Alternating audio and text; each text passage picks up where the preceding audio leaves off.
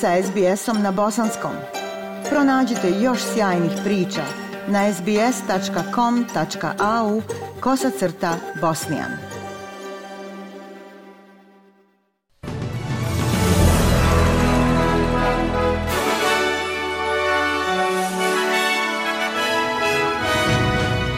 U današnjim vijestima poslušajte. Savezni blagajnik Chalmers poziva parlament da podrži reviziju poreza na rentu naftnih resursa. Policija Sjedinjenih država reagovala na još jednu pucnjavu u Teksasu. I u futbalu Manchester City ostaje u vrhu premijer lige. Savezni blagajnik je pozvao parlament da podrži reviziju poreza na rentu naftnih resursa za koju kaže da će dati značajan doprinos budžetu. Jim Chalmers je najavio promjene u spornim poreznim postavkama za proizvođače nafte i plina, uključujući ograničenje odbitaka od 1. jula kako bi Australcima omogućio pravedni povrat od projekata tečnog gasa. Ograničenje će se odnositi na udio prihoda od rente naftnih resursa na koji se obračunava porezi koji se može nadoknaditi odbicima na 90%. Dr. Chalmers kaže da je već duže vrijeme jasno da je revizija poreza na rentu naftnih resursa potrebna. Ovo je još 2,4 milijarde dolara u budžetu kojih ne bi bilo u procjenama ako nema ove promjene. To je metodična, promišljena, odgovorna promjena, što znači više prihoda u budžetu da bismo mogli finansirati naše prioritete.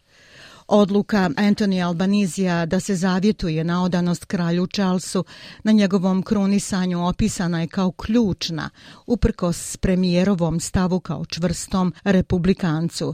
Premijer se danas vraća u Australiju iz Londona nakon što je s drugim čelnicima Commonwealtha prisustvovao krunisanju. Gospodin Albanizi, samoproglašeni doživotni republikanac, opisao je krunisanje kao historijski događaj od ogromnog značaja običaja, rekavši da je sasvim prikladno da prisustvuje i položi zavjet odanosti kralju. Republikanci su pozvali premijera da šuti tokom polaganja zakletve, ali Albanizijev kolega, blagajnik Jim Chalmers, rekao je za ABC da je to bio pravi poziv za premijera da se pridruži zavjetu u ime Australaca. Mnogi Australci su gledali krunisanje kralja Charlesa III. i kod kuće u Velikoj Britaniji, dok su njihovi predstavnici učestvovali u ceremoniji. Reakcije na krunisanje su pomješane, a neki vjeruju da je vrijeme da Australija postane republika. Gradić Kilpi u Queenslandu bio je domaćin velike proslave, za koju vječnica Lynn Barnes kaže da odaje počast novom kralju. Mislim da je činjenica da Kilpi jednostavno voli biti dio zabave, a ovo je globalna zabava. Svi na svijetu slave krunisanje kralja um, i mi imamo pravo na to jer je on naš kralj. Ovo je divna prilika da se zajednica okupi. Nadamo se da će Charles čuti da smo to učinili za njega. Glasnogovornik opozicije za financije Angus Taylor kaže da će njegova stranka morati pažljivo ispitati nedavno najavljene promjene poreza na rentu naftnih resursa prije nego što daju komentar. Savezni blagajnik Chalmers najavio je promjene za koje kaže da će Australcima dati pravedniji povrat na proizvode tečnog gasa pozivajući na podršku parlamenta. Gospodin Taylor rekao je za ABC da koalicija očekuje budžet koji će se ozbiljno uhvatiti u koštac s inflacijom. Ako želite sniziti cijene, obično ne oporezujte više. To će biti test koji ćemo primijeniti i vidjet ćemo kada dobijemo više detalja. Vijesti iz svijeta. Vlasti Sjedinjenih država kažu da je policija jučer odgovorila na pucnjavu na prometnom tržnom centru u predgrađu Dalasa u kojoj je više ljudi povrijeđeno. U tržnom centru Allen Premium Outlets u kojem se dogodila pucnjava nije bilo riječi o mrtvima ili o broju povrijeđenih. Lokalna televizija izvijestila je pozivajući se na šerifa okruga Colin da je više ljudi ranjeno, uključujući djecu, a strelac je ubijen na licu mjesta. Video snimci lokalnih medija pokazuju kako policajci žurno izlaze iz tržnog centra sa policijskim automobilom i vozilima hitne pomoći parkiranim u blizini ulaza. Brazilski predsjednik Lula osudio je nedostatak zajedničkih napora da se oslobodi osnivač Wikileaksa Julian Assange koji je četiri godine u britanskom zatvoru Belmarsh. Lula je razgovarao s novinarima u Londonu jučer nakon što je prisustvovao krunisanju kralja Charlesa III. É uma vergonha que um jornalista Sramota je da je novinar koji je osudio prevare jedne države protiv druge uhapšen, osuđen na smrt u zatvoru, a mi ništa ne činimo da ga oslobodimo. To je luda stvar. Mi koji govorimo o slobodi izražavanja, čovjek je u zatvoru jer je osudio prevare, a štampa ne čini ništa u odbrani ovog novinara. Ja to ne mogu razumjeti.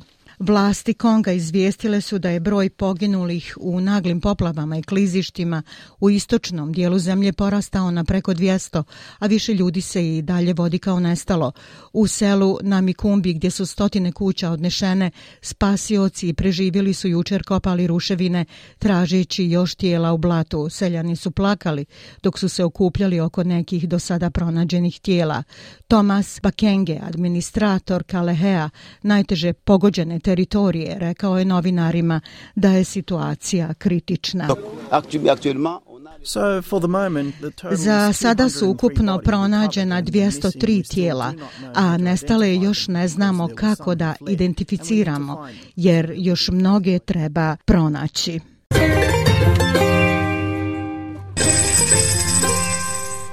Prema kursnoj listi australski dolar danas vrijedi 0,67 američkog dolara, 0,60 eura, 0,53 britanske funte te 1,17 bosanske konvertibilne marke.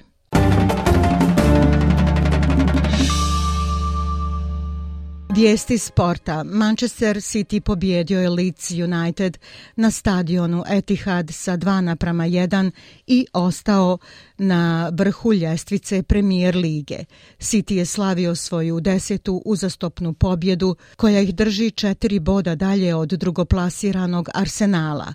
U međuvremenu na Anfieldu gol Muhameda Salaha donio je Liverpoolu pobjedu od 1 naprama 0 nad Brentfordom dok su navijači zviždali tokom intoniranja engleske himne na dan krunisanja kralja Charlesa.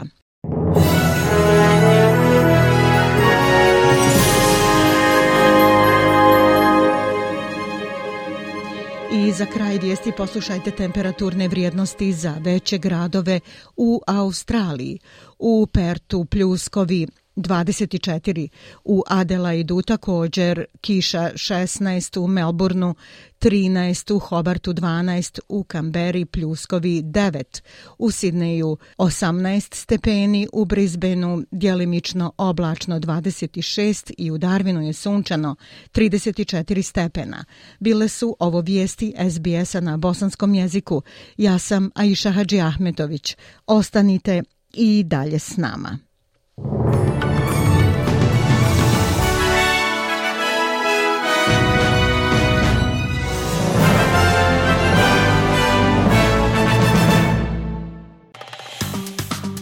Like, share, comment. Pratite SBS Bosnian na Facebooku.